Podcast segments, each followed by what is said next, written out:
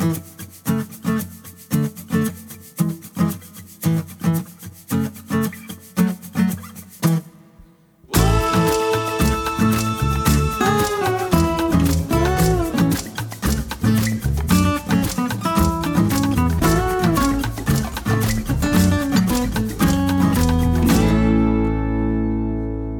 Atıştırmalık sohbetlerden herkese merhaba. Ben Bahar. Ben Tuğçe. Bu haftaki konumuz zamanı yönetememek. Hepimizin aslında genel olarak müzdarip olduğu bir sıkıntı bence bu. Zamanımızı neden yönetemiyoruz? Zamanımızı yönetememizin sıkıntıları neler? Bunları bir konuşalım dedik. Genelde internette baktığınız zaman zaman yönetimi tekniklerini sunuyorlar. Pomodoro tekniği gibi ya da daha farklı teknikleri sunuyorlar.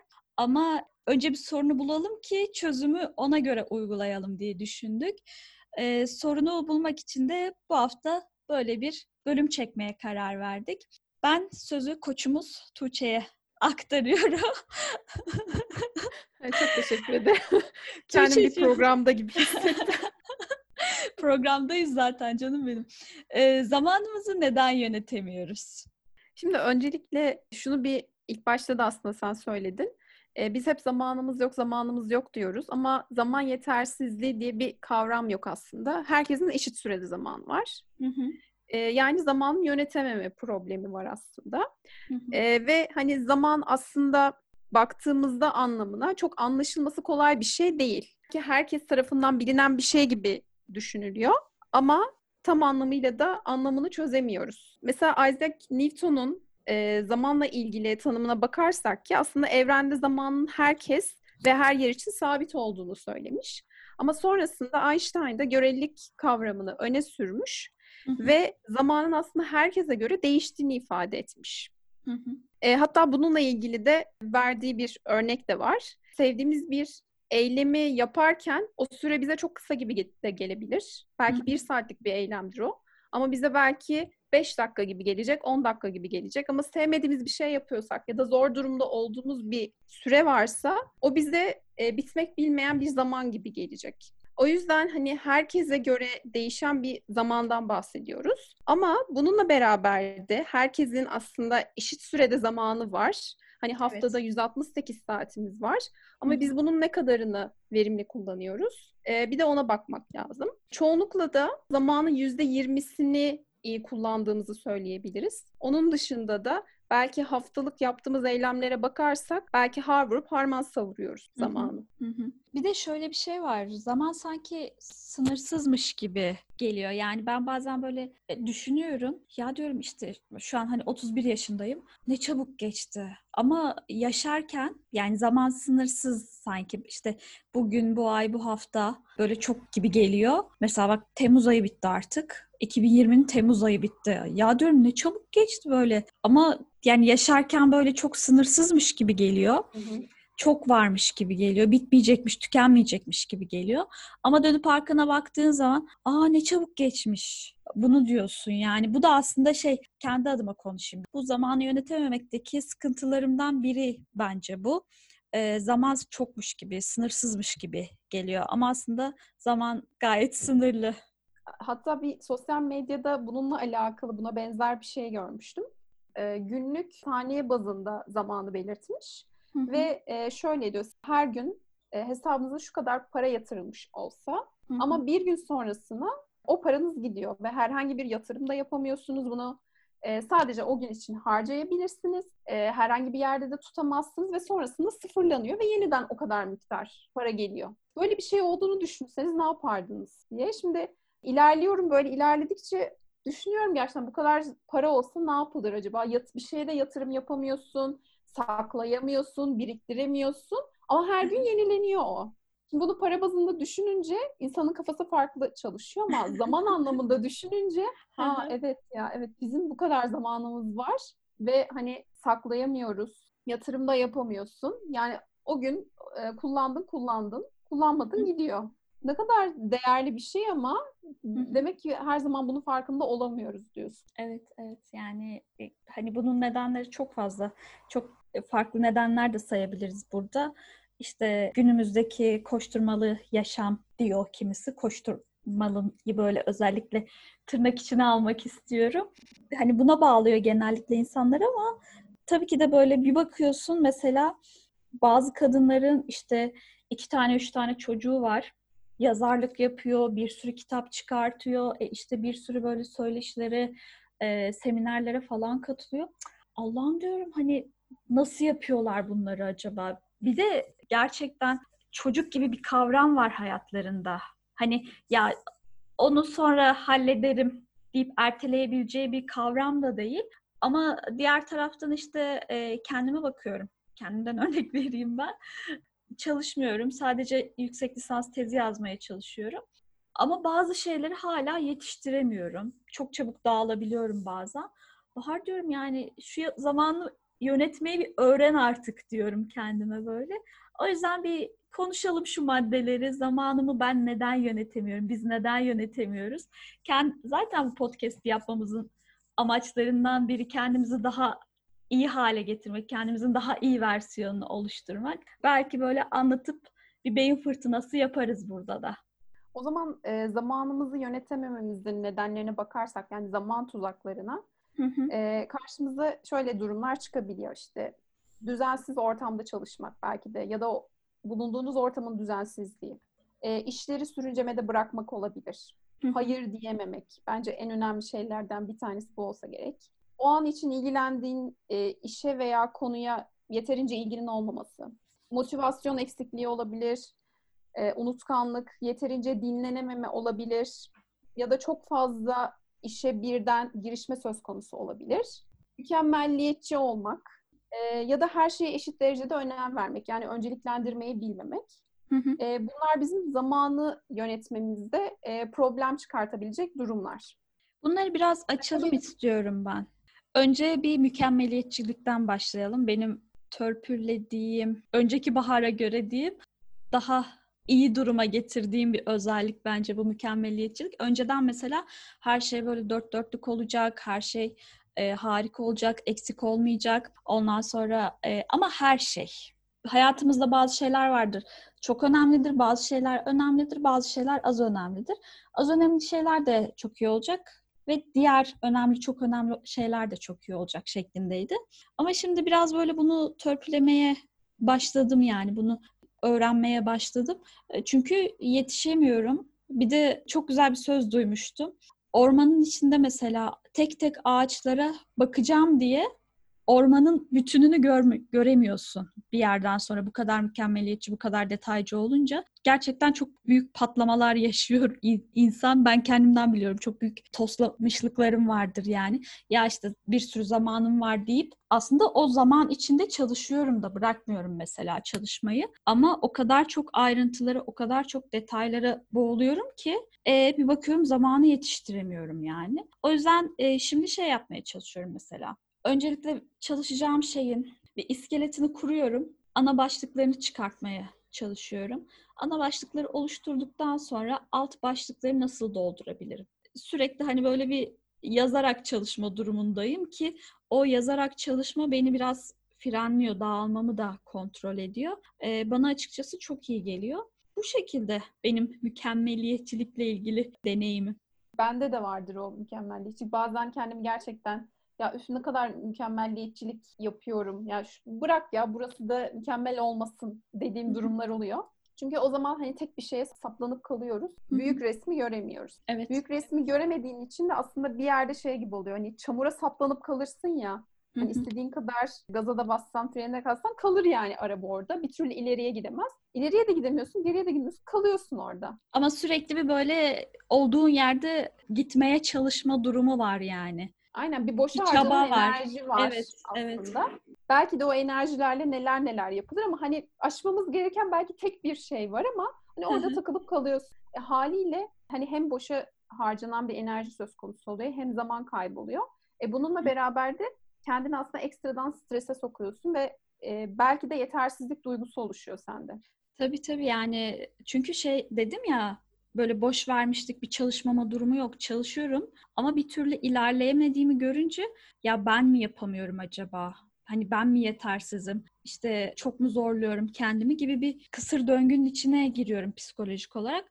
Ama alakası yok yani. Kimler neleri beceriyor, kimler neleri neleri yapıyor yani. Sonuçta Amerika'yı tekrar baştan keşfetmiyoruz hiçbirimiz. Bir şekilde yapabiliyoruz. Sadece doğru planlama, doğru bir e, yönetim tekniği gerekiyor hepimize. O yüzden biz de onu bulmaya çalışıyoruz. O zaman ikinci olarak hayır diyememekten konuşalım. Sınır koyamamak. evet. Ya aslında her yerde karşımıza o sınır koymanın önemi evet. çıkıyor. Bakınız sınırlarla ilgili bölümümüze gidebilirsiniz buradan da. Onu da mutlaka dinlemenizi tavsiye ediyorum. E, hatta orada e, anlattığımız bir yani kitaptan bir e, örnek vardı. Oradaki bir kadının hem işi var hem işte iki çocuğu vardı ve e, sürekli aslında iş yerinde başka birisinin ondan iş istemesinden dolayı yapması gereken şeyleri bir türlü yetiştiremiyordu ve sürekli çalışma halindeydi.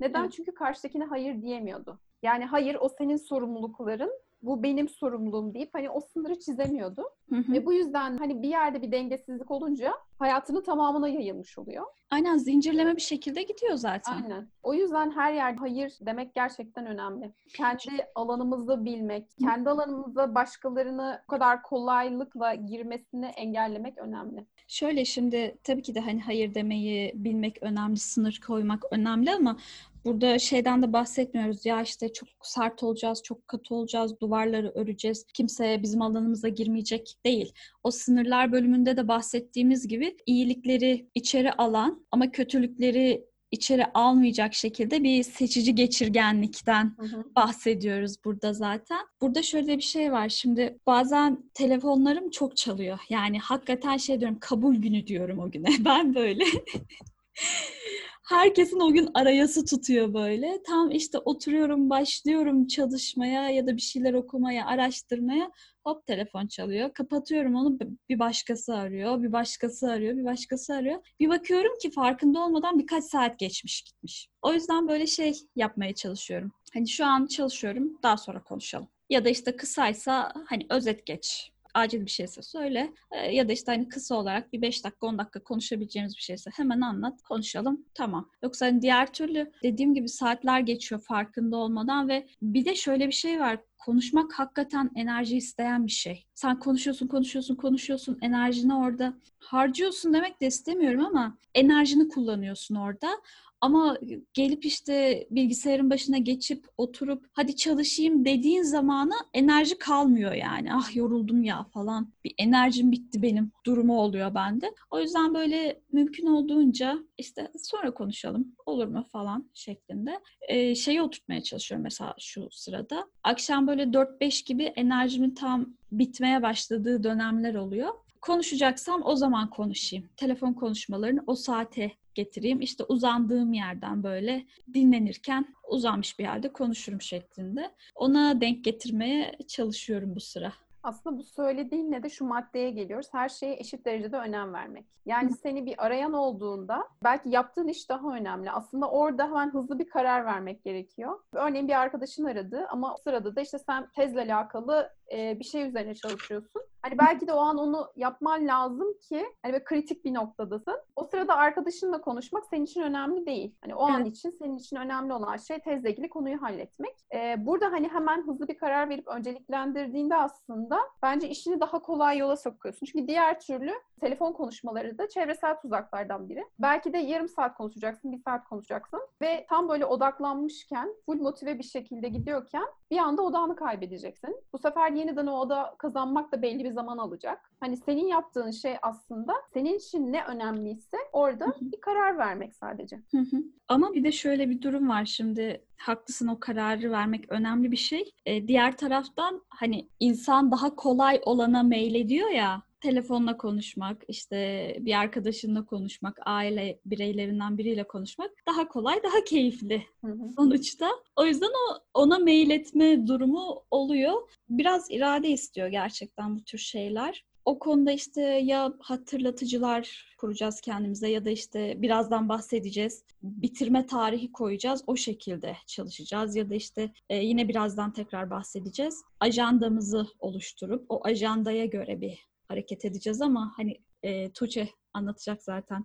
E, bir başka madde ertelemek. Bu sanırım böyle Türk toplumu olarak başımızın belası durumunda olan bir şey. Bizim eğitim sistemimizden midir, yetiştirme tarzımızdan mıdır, nedir yani? Bir erteleme olayımız var. Atalet bölümünde de zaten uzun uzun bahsetmiştik bunlardan. Hani son ana kadar bir tamam ya yaparız işte aa daha var ya bir ay var önümüzde hallederiz ya falan böyle deyip hani bunu çok profesyonel şirketlerde de gördüm ben. Gayet küçük şirketlerde de gördüm. O yüzden rahatlıkla diyebiliyorum ki evet biz Türklerde olan bir durum bu. Peki bu erteleme durumu için senin tavsiyelerin nelerdir? Neler yapmak gerekiyor? Ben de aslında erteleme işini yapıyorum. Çünkü hani dediğin gibi daha kolay olana hep eğilimimiz olduğu için hani zora gelince hemen kaçabiliyoruz. ee, ben de bunu yapıyorum. Yani yakın zamanlarda da öyle yapmam gereken bir işi ki aslında hazır olan bir işti. Sadece bir başına oturup bir toparlamam gerekiyordu. Hani elimde veriler de vardı. Ama bir türlü başına oturamadım. Ama o bitmeyen işte aklımın bir köşesinde kalmaya devam etti. Değil mi? O da yoruyor insanı. O da çok yorucu. Sürekli aslında kendimi stres altında bıraktım. Yani o bir ay boyunca uğraşmadıysam onunla hep aklımdaydı, hep aklımdaydı. Ama sürekli kafamdan uzaklaştırmaya çalıştım. Neden? Çünkü yarım kalan işler her zaman beynimizde daha fazla yer ediniyor. Evet. Haliyle. Ee, ama hani aslında şunu düşünmek gerekiyor. O işi yapmak istemiyorsun belki de. Hani Hı-hı. erteliyorsun ama ertelemenin nedenlerine biraz bakmak lazım. Evet. Seni ertelemeye iten şey ne? Belki uğraştığın şeyi sevmiyorsundur. Gerçekten Hı-hı. o konuya bir ilgin olmayabilir. Hı-hı. Ya da o işle alakalı belki geçmişten gelen başka bir olayla bir bağlantı kurmuşsundur ve duygu aktarımı yapıyorsundur. Hı-hı. Yani sana sıkıntı veriyor olabilir. Ya da hiçbir nedeni yoktur da gerçekten yapmazsın. yani tembellik yapasın gelmiştir sadece. Ya da çok basit de bir şey olabilir. Belki çalıştığın ortamla alakalı bir problem olabilir. Hani düzen geliyordur belki. ya da o işi yapabilmen için belli bir zamanı bloke edip kullanman gerekiyordur. Belki bu senin işine yarayabilir. Ama öncelikle seni ertelemeye sevk eden şeyin ne olduğuna bakmak lazım. Sonrasında da hani neler olabilir? Hani çözüm önerileri üzerine düşünmek lazım ama işte bunların hepsi de zaman alan şeyler. Çünkü hani seninle bu ilk başta da konuştuğumuz hani mesela Pomodoro tekniği ikimizde de işe yaramadı. Evet. Ama senin başka bir arkadaşın da işe yaramış. Hı hı. Yani herkes için tek bir doğru olmadığı için hani biraz araştırıp bir de kendini daha iyi tanıdıkça aslında evet. bu teknikler daha da iyi oturuyor. Hangisinin sana daha iyi olduğunu zamanla bulup karar verebilirsin. Yine şeye dönüyoruz hani böyle başka bölümlerde de çok değindik buna. Dönüp dolaşıp böyle kendini tanıyıp kendini biraz gözlemleyip, irdeleyip ya işte hangi yöntem bana daha iyi geliyor, ben nasıl daha iyi çalışıyorum, günün hangi saatlerinde daha verimli çalışıyorum? şeklinde. E, buna geliyoruz yine dönüp dolaşıp kendimizi gözlemlemek işte mesele. Aynen öyle. Bir sonraki konumuz da aslında şey böyle hepsi birbiriyle alakalı şeyler. Yani böyle Hı-hı. tek tek bakıyoruz ama bir şeyi anlatırken önümdeki işte kağıda bakıyorum. Aa işte bunun içinde bu da var. Mesela işte dış dünyaya fazla odaklanmak, sınır koyamamakla alakalı ya da hayır diyememekle alakalı. Konsantrasyon eksikliğini yazmışım mesela. Yine aynı şekilde hayır diyememek belki. İlla başkasına değil, kendine de bazı konularda hayır diyememekle alakalı olabiliyor konsantrasyon eksikliği. Bence en önemli konulardan biri de, en önemli nedenlerden biri de dinlenmeyi bilmemek. Biz evet çok güzel çalışıyoruz. Yani çevremi gözlemliyorum. Harika çalışıyoruz ya. Yani arkadaşlarıma bakıyorum, yakın çevremdeki insanlara bakıyorum. Süper çalışıyor insanlar. Ama böyle dinlenmek için ne yapıyorsun diye sorduğumda mesela e işte akşam eve gidiyoruz, böyle işte bir film izliyoruz. Biraz işte televizyon karşısında pinekliyoruz, uyuyoruz. Ertesi gün tekrar bir işe gidiyoruz falan. Bu bana çok şey gelmiyor böyle dinlenmekmiş gibi gelmiyor yani. Ha, ne yapılabilir diye sorarsan açıkçası bulduğum çok pratik bir çözüm var mı direkt ya şunu yap bunu yap şeklinde e, hap şeklinde bir çözüm var mı yok ben mesela yoga yaptığımda gerçekten zihnimin dinlendiğini hissediyorum ya da meditasyon yaptığımda. Çünkü bütün böyle her şeyden soyutlanıp işte şunu yapacaktım, bunu yapacaktım, şu oldu, bu olmadı, şunu yetiştiremedim, şu yarım kaldı falan. Bütün bunlardan soyutlanıp sadece o an böyle bedenimde neler oluyor? İşte şu hareketi hadi yaptım falan. Aa bu hareket oldu. Ya da işte bacağım biraz daha açarsam bu hareket olacak falan. Direkt hani o anı yaşadığım için o anda dinlendiğimi hissediyorum. Rahatladığımı, nefes aldığımı hissediyorum. Ha başka şeyler yok mu? Var işte ne bileyim bir çıkıp dolaşmak, arkadaşlarımla oturmak. Tabii koronadan dolayı uzun zamandır bunu yapamıyoruz ama evet. rahatlıkla e, hani bunlar da dinlendiriyor. Ama bir televizyonun karşısında pineklemek ya da işte e, sosyal medyada, Instagram'da zaman geçirmek çok da dinlenmekmiş gibi gelmiyor yani bana söylediğin şey hani yoga ya da meditasyon yaparak hani zihnimi boşaltıyorum dedin ya. Hı hı. E, aslında evet biz şeyi bilmiyoruz. Zihni boşaltmayı televizyon izlemek olarak düşünüyoruz belki ama aslında o şeylerle de beynimizi yine dolduruyoruz. Ne ya kadar çok sosyal... gönderi geliyor bizim Aynen. elimize televizyondan. Aynen İnternet. E, ya da sosyal medya aynı şekilde. E, hani o kadar sosyal medyayla o kadar uğraşıyorsun bir sürü kötü haber, olumsuz şeyler görüyorsun ediyorsun ve onlar da gerçekten e, beynine e, geçiyor. Hı-hı. Ve rüyalarında bile onlarla uğraşıyorsun aslında. Çünkü hani direkt bilinçaltı emiyor geçiyor yani. Tabii. E, birden fazla uyaran olduğu zaman gerçekten tam anlamıyla aslında zihnimizi boşaltmış olmuyoruz. Bir de aslında zihnimizi boşaltmak biraz da hani anda kalmakla ilgili bir şey ya. İşte hani spor yaparken işte yoga yaparken, meditasyon yaparken aslında anda kalıyoruz. Hı hı. O zaman da hani ne geçmişi düşünüyorsun ne geleceği düşünüyorsun. Çünkü hani hepsi beynimizi yoran şeyler. Tabii. E, haliyle hani sadece anda kaldığında sadece o anı yaşıyorsun. Evet gerçekten zihnini boşaltıyorsun. Gerçekten hı. dinleniyorsun. Ama tabii ki bu insandan insana değişebilir ama dediğin gibi e, biz dinlenmeyi çok farklı bir şey olarak düşünüyoruz ya da e, dinlenmenin gereksiz olduğunu düşünüyoruz. Oysa ki gerçekten verimli çalışabilmen için dinlenmeyi de bilmek lazım. Nasıl ki işte günde 4-5 saat uzmanlaşmak istediğin bir konu üzerine çalışırsan ki bu da yılda 10 bin saate denk geliyor. Bunu yapmanın yanı sıra uyku düzenine de dikkat etmen lazım. Hı hı. Aynı şekilde kendine e, belli bir dinlenme süresi de ayırman lazım ki gerçekten bu 10 bin saati verimli bir şekilde geçirebilesin. Hı hı. Hani bu senin için yürüyüş olur, Belki arkadaşlarına vakit olur, ailenle vakit geçirmek olur. Ama gerçekten aslında senin enerjini yerine getirebilecek, hı hı. E, sana keyif verecek, hani zihnini boşaltabilecek bir şeylere ihtiyacın var. Stresten, kaygıdan Aynen. arındıracak bir şeyler aslında. Dinlenmek dediğimiz şeyi böyle biraz e, hani tanımlayacak olursak beynimizdeki o stresi, kaygıyı e, mümkün olduğunca uzaklaştıran eylemler diyebiliriz bence buna. İşte o yüzden de uykunun önemli olduğunu söylüyoruz. Yani nitekim bununla ilgili de bir bölümümüz vardı. Çünkü e, beynimizin e, hani hem vücudumuzun hem beynimizin yenilenebilmesi için uykuya ihtiyacımız var. Evet. E, aynı şekilde dinlenmeye de ihtiyacımız var. Evet. Burada bir araya girmek istiyorum. YouTube YouTube'da olsaydık hani video şeklinde çekiyor olsaydık bu konuşmayı hemen bakınız şuraya linki ekliyoruz falan derdik. evet. Bakınız biz de aşağıya linklerini ekleyelim. Hem uykuyla ilgili olan bölümün hem de az önce bahsettiğimiz bölümlerin linklerini ekleyelim. Onları da dinlerseniz daha böyle sağlam bağlantılar kurabilirsiniz. Ne anlatıyoruz, ne konuşuyoruz, e, ne araştırmalar yaptık. Bununla ilgili uzmanlar neler söylemişler onları da öğrenebilirsiniz. Bu arada bir de hani dinlenmeyle alakalı e, şunu da eklemek istiyorum. Aslında yine şu noktaya geliyoruz. İnsanın kendini tanıması ve bilmesi. Çünkü neyin sana iyi geleceğini aslında kendini keşfetmekle bulabilirsin. Tabii tabii. Yani dediğim gibi mesela e, bana meditasyon, yoga iyi geliyor ama sana e, yemek yapmak iyi geliyordur mesela. Bir başkasına işte sadece müzik dinlemek, böyle uza- ayaklarını uzatıp böyle müzik açıp müzik dinlemek iyi geliyordur. Ya da bir başkasına çok daha farklı şeyler iyi geliyordur. Yani herkesin kendi yeteneğine göre, ilgi alanına göre bulacağı şeyler bunlar biraz. Yine dönüp dolaşıp kendini tanımak konusuna geliyoruz. Evet. Bir de böyle bir bölüm mü yapsak ya kendini tanımak diye? Ama bayağı çok şey konuşuruz biz bu kendini tanımak bölümünde. Evet, işin ucu bir süre sonra zaten felsefeye doğru kayacak. İnsan nedir? Neden var? Buraya evet. kadar çıkarız. Sonra da cevap bulabilir miyiz bilmiyorum. Aynen. Bir sonraki maddeye geçmek istiyorum ben. Yine bu dinlenmeyi bilmemekle biraz alakalı bir madde. Şöyle alakalı. Evet dinlenmeyi bilmek önemli bir şey.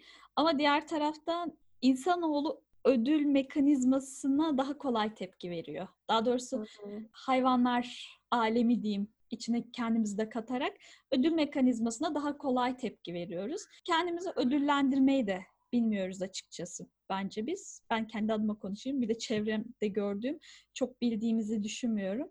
Çok sağlam çalışıyoruz mesela işte tez yazıyor mesela insanlar. Tezi yazdıktan sonra işte ya şey tezi yazdım kendime şu ödülü vereceğim durumunu ben hiç görmedim ya da işte çok sağlam projeler çıkartıyorlar. Bu proje bitsin işte kendime şu ödülü vereceğim çok duymuyorum. Ha genelde ne oluyor işte yazın şuraya tatile gideceğim. Tamam da bunun neyin karşılığında kendine veriyorsun? Hani bir yıl çalışmanın karşılığında kendime veriyorum diyorsan ortada çok büyük bir belirsizlik var. Ama işte nedir mesela bu hafta şu projeyi bitireceğim ve kendime işte sinema ısmarlayacağım mesela. Ya da işte kendime şık bir yerde, güzel bir yerde yemek ısmarlayacağım arkadaşlarımla birlikte mesela. Gibi gibi hani ya da daha basit bir şeyler olabilir gün içerisinde. Diyelim ki işte farklı değişik kahveler içmeyi seviyorsunuzdur. İşte günde 3 saat çalıştım, 5 saat çalıştım.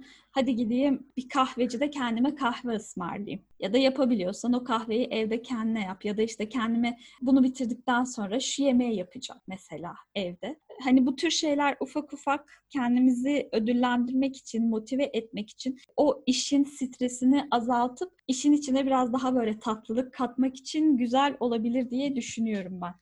Ee, aslında senin dediğin şey e, bana şunu hatırlattı. Kendimizi takdir etmiyoruz. Ha evet, evet, evet. Yani süper. takdiri aslında başkalarından bekliyoruz. Doğru. Ee, yani bir işi yaptıktan sonra birisinin aferin demesini bekleyebiliriz. Hı hı. Alkışlanmayı bekleyebiliriz ama aslında bu takdiri kendi kendimizde yapsak dediğin gibi hem kendimizi motive etmiş olacağız. Yaptığımız işin sürekliliğini de artırmış olacağız. Hı hı. Daha büyük bir şevkle ve hevesle aslında çalışmaya devam edeceğiz. Ama belki de bu biraz kültürel bir şey. Ee, Yani toplumla alakalı bir durum. Hı hı. Ee, çünkü hani o şeyleri o kadar hani yapmak zorunda hissediyoruz ki o bizim görevimiz artık. Hı hı. Hani biz zaten sürekli yaptığım bir şey. O benim görevim. Evet, ekstra neden bir şey takdir değil göreyim yani. Aynen. Hani neden e, takdir edilsin ki ya da neden kendimi takdir edeyim ki diye düşünüyor olabiliriz. Hı hı.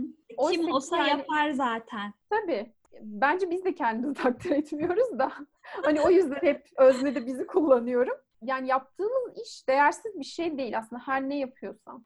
Ya ortaya bir şey çıkartmaya çalışıyorsun. Tabii. Ee, orada bir zaman ve emek harcadığın bir durum var nitekim. Ee, ve değerli bir şey. Hani zamanı değerli olduğunu düşünüyoruz ve o zamanı kullanarak ortaya bir şey çıkartıyorsak haliyle değerli bir şeydir o. Ve onu da eğer başka birisi yaptığında biz bunu takdir etmeyi düşünüyorsak ama kendimiz yaptığımızda "Bu benim görevim zaten ya deyip hani takdir etmiyorsak demek ki kendimizi de değersizleştiriyoruz. Yaptığımız şeyi de değersizleştiriyoruz. Öveyim mi bizi Tuğçe? Öyle. Şöyle podcast çektik, böyle podcast çektik. Yani bak düşün bir buçuk yıldan fazla zamandır podcast Evet. çekiyoruz. Ve sadece böyle konuşup geçtiğimiz podcastler değil. Öncesinde araştırıyoruz, bakıyoruz ne konuşabiliriz. işte insanlar neler konuşmuşlar, bilim insanları neler söylemişler bu konular hakkında.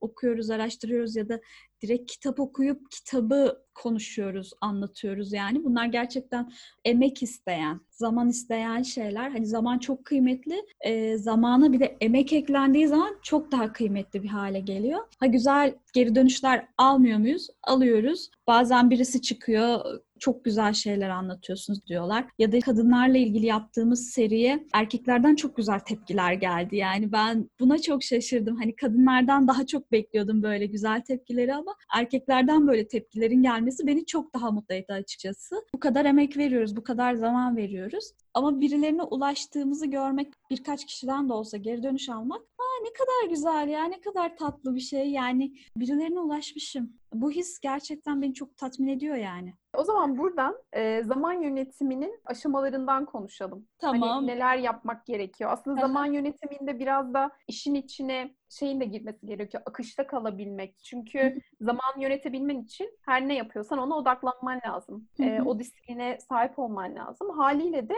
akışta kalmayı da bilmek lazım. Akışla ilgili olarak da tuttuğum notlar Ikigai kitabından. Orada Hı hı. akışla ilgili bir bölüm vardı. Ve akışı yakalamanın da 7 koşulunu anlatıyordu o bölümde.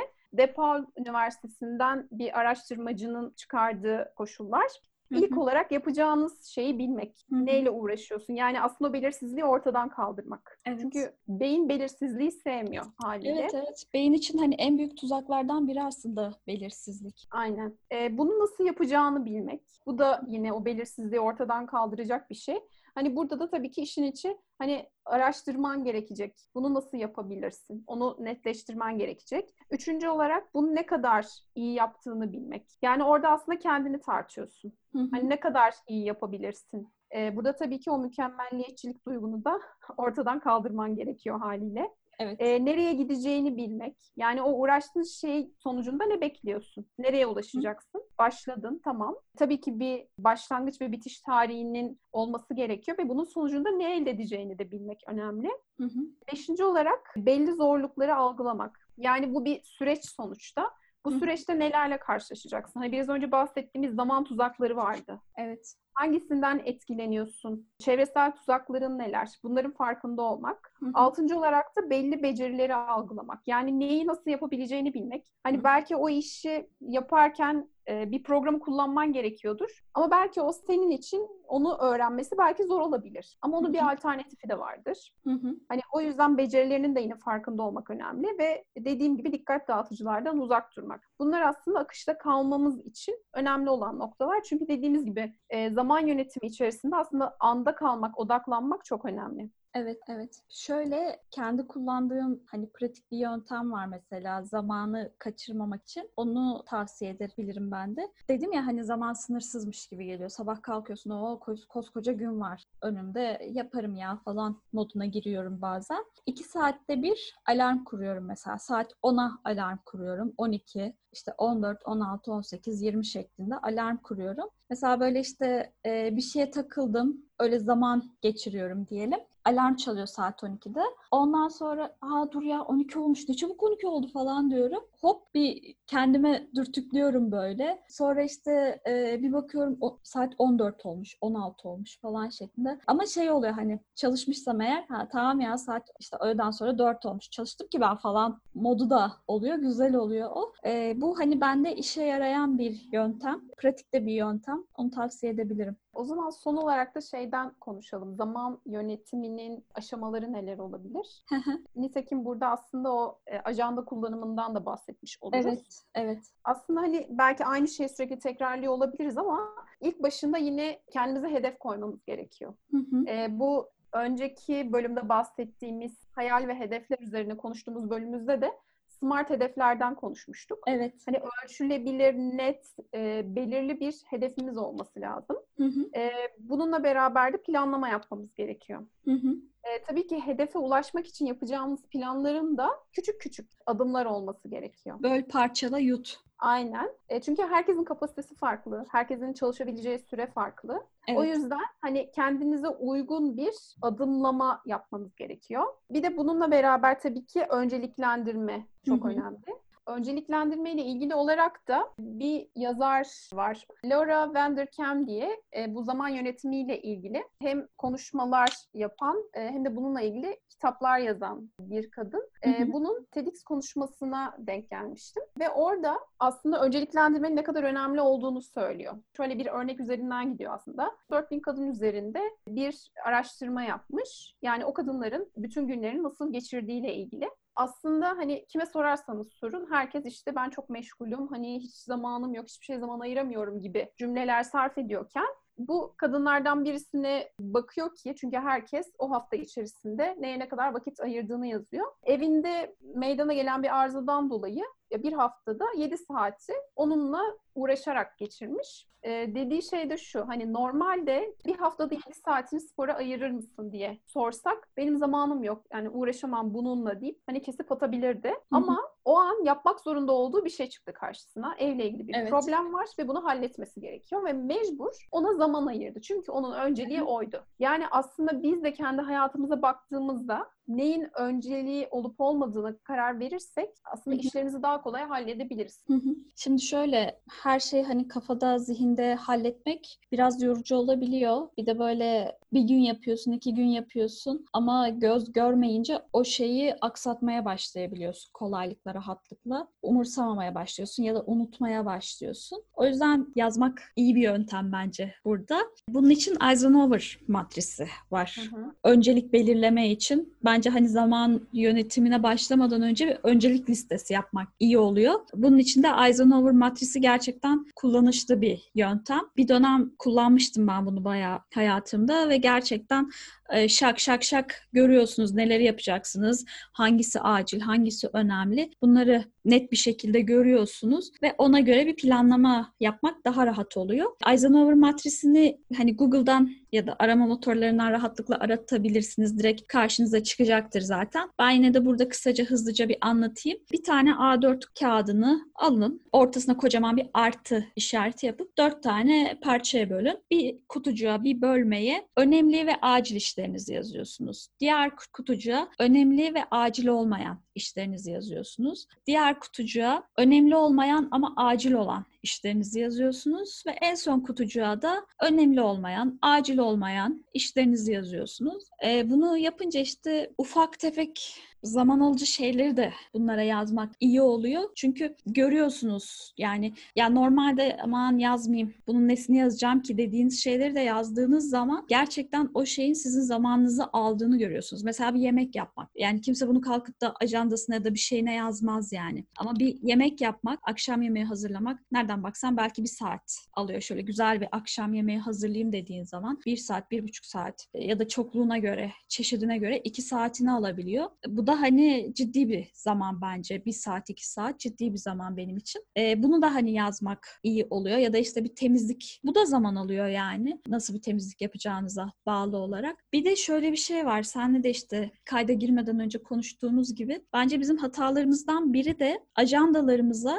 işle ilgili, okulla ilgili ya da kariyerle ilgili şeyleri yazıyoruz. Ama hayatımız tamamen işte iş, okul, kariyer bunlar değil ki. Bir sosyal hayatımız var, bir ev hayatımız var, aile hayatımız var, kendimize ayırdığımız bir zaman var. Bunlar da gerçekten farklı farklı şekillerde zamanımızı alan şeyler. Bunları da yazıp göz önünde bulundurup planlamayı ona göre yapmak bence en iyisi. Sen bahsetmiştin zaten bir ajandadan. Onu bir anlat istersen hem zaman yönetimiyle alakalı hem de e, planlamayla alakalı bir YouTuber var. E, Gamze Alptekin diye. Onun da kendi markası olan ajandaları var ve sürekli zaten planlamayla alakalı videolar yayınlıyor. Ve kendisi de aslında hem organize hayatı da seven birisi ve sürekli de bunları geliştirerek devam ediyor. Yani kendisi deneyimliyor aslında. Her seferinde sayfalar değişebiliyor. Ve Hı. onun da bir e, ajanda sayfasını hatırlıyorum. Haftalık planlamasını yaparken işte özel hayatı, iş hayatı ya da işte sosyal hayat gibi ya da sadece özel hayat ve iş hayatı diye ayırıp ona göre yapılacaklarını o şekilde belirliyordu. Çünkü hani dediğin gibi biz sadece sadece iş hayatımız yok, sadece okul hayatımız yok. Haliyle sosyal bir varlık olduğumuz için işte ailemiz var, arkadaşlarımız var. Onun dışında ayırmak istediğimiz, zaman ayırmak istediğimiz farklı aktiviteler olabilir. Ya da işte ev işleri hani belki hiç yerini bile koymuyoruz ajandada ya da planlama yaparken. Bunların hepsi zaman alan şeyler ve planlamanın da gerçekçi olabilmesi için zaten bunların hepsinin e, yer alması gerekiyor ki neye e, ne kadar zaman gittiğini görebilmek açısından. Hani Hı. bu noktada da e, neye ne kadar zaman ayırdığımızı görebilmek için aslında bir haftamızı not ettik. İşte kaç saat uyuyoruz, işte kaç saat çalışıyoruz, ne kadar süre yemek hazırlıyoruz, temizlik ne kadar sürüyor, işte belki arkadaşlarınla görüşmüşsün, onlara ne kadar vakit ayırdım vesaire gibi. E, bütün bunların aslında basamak basamak yazıp karşısında da saat karşılığını yazsak hani o 168 saatin ne kadarını ne için kullandığımızı çok daha net görebiliriz. Hı hı. Ve bu sayede de aslında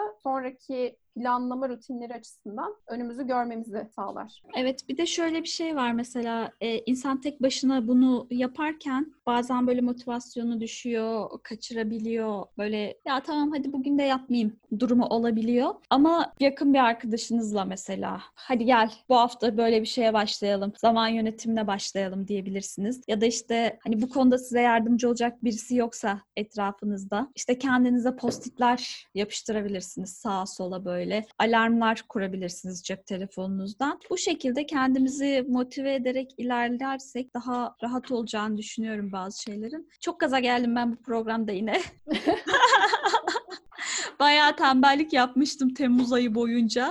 Haziran'da da yapmıştım hatta. Malum program falan da çekemedik. Ama bu programda bayağı gaza geldim yani. Ne güzel. Senin de buna ihtiyacın varmış demek. O zaman üçüncü adım olarak programlama. Önceliklendirmemizi yaptık ve gün içinde neye ne kadar süre ayıracağımızı belirlememiz gerekiyor. Hı. Bu yüzden de işte zaman e, bloke etmemiz gerekiyor aslında. Çünkü o zaman içerisinde işte şu işi yapacağım dediğinde aslında yine bir netlik kazanmış oluyor ve beyinde ona şartlanmış oluyor haliyle. Hı Ve en önemli işlerimizi de aslında en verimli ve en enerjik olduğumuz zamanda yapmak da önemli. Dördüncü olarak sonuçları değerlendirmemiz. Yani planımızı yaptık, o plana ne kadar uyduk? Uymadıysak karşımıza neler çıktı, ne tür engellerle karşılaştık. Hı. bunları bir değerlendirmek gerekiyor ve aynı zamanda da esnek olmamız lazım. Yani yüzde yüz o plana uyacağız diye bir şey yok. Tabii. Ee, çünkü her ne yapılırsa yapılsın bir her zaman bir hani boşluk bırakmamız gerekiyor aslında. Herhangi bir aksilikle karşılaşabiliriz. Hı hı. Ee, hastalık durumu olabilir. Ya çok farklı şeyler karşımıza çıkabilir. O yüzden esnek olmak da önemli. Hı hı. Hani e, diğer türlü kendimizi boşu boşuna strese de sokmuş oluruz ve o zaman yönetimiyle ilgili e, uyguladığımız teknikten de kolayca vazgeçebiliriz. Çünkü bu da bizim için bir engel teşkil eder. Son olarak da dediğim gibi ilk başta eğer bu planlama işine, zaman yönetimi işine belki de bu bölümü dinledikten sonra başlayacak olan varsa da kendini değerlendirmesi de önemli aslında. O planlamayı yaptıktan sonra mesela o hafta sonunda kendinizi değerlendirip 0 ile 10 arasında bir puan verebilirsiniz. Ve hani örneğin kendinize 8 verdiniz ama 10 olmanız için neye ihtiyacınız var? Hani o ihtiyaçları göz önüne alıp bir sonraki planlamada ona göre bir planlama yapabilirsiniz ve her seferinde de kendinizi geliştirerek devam etmiş olursunuz.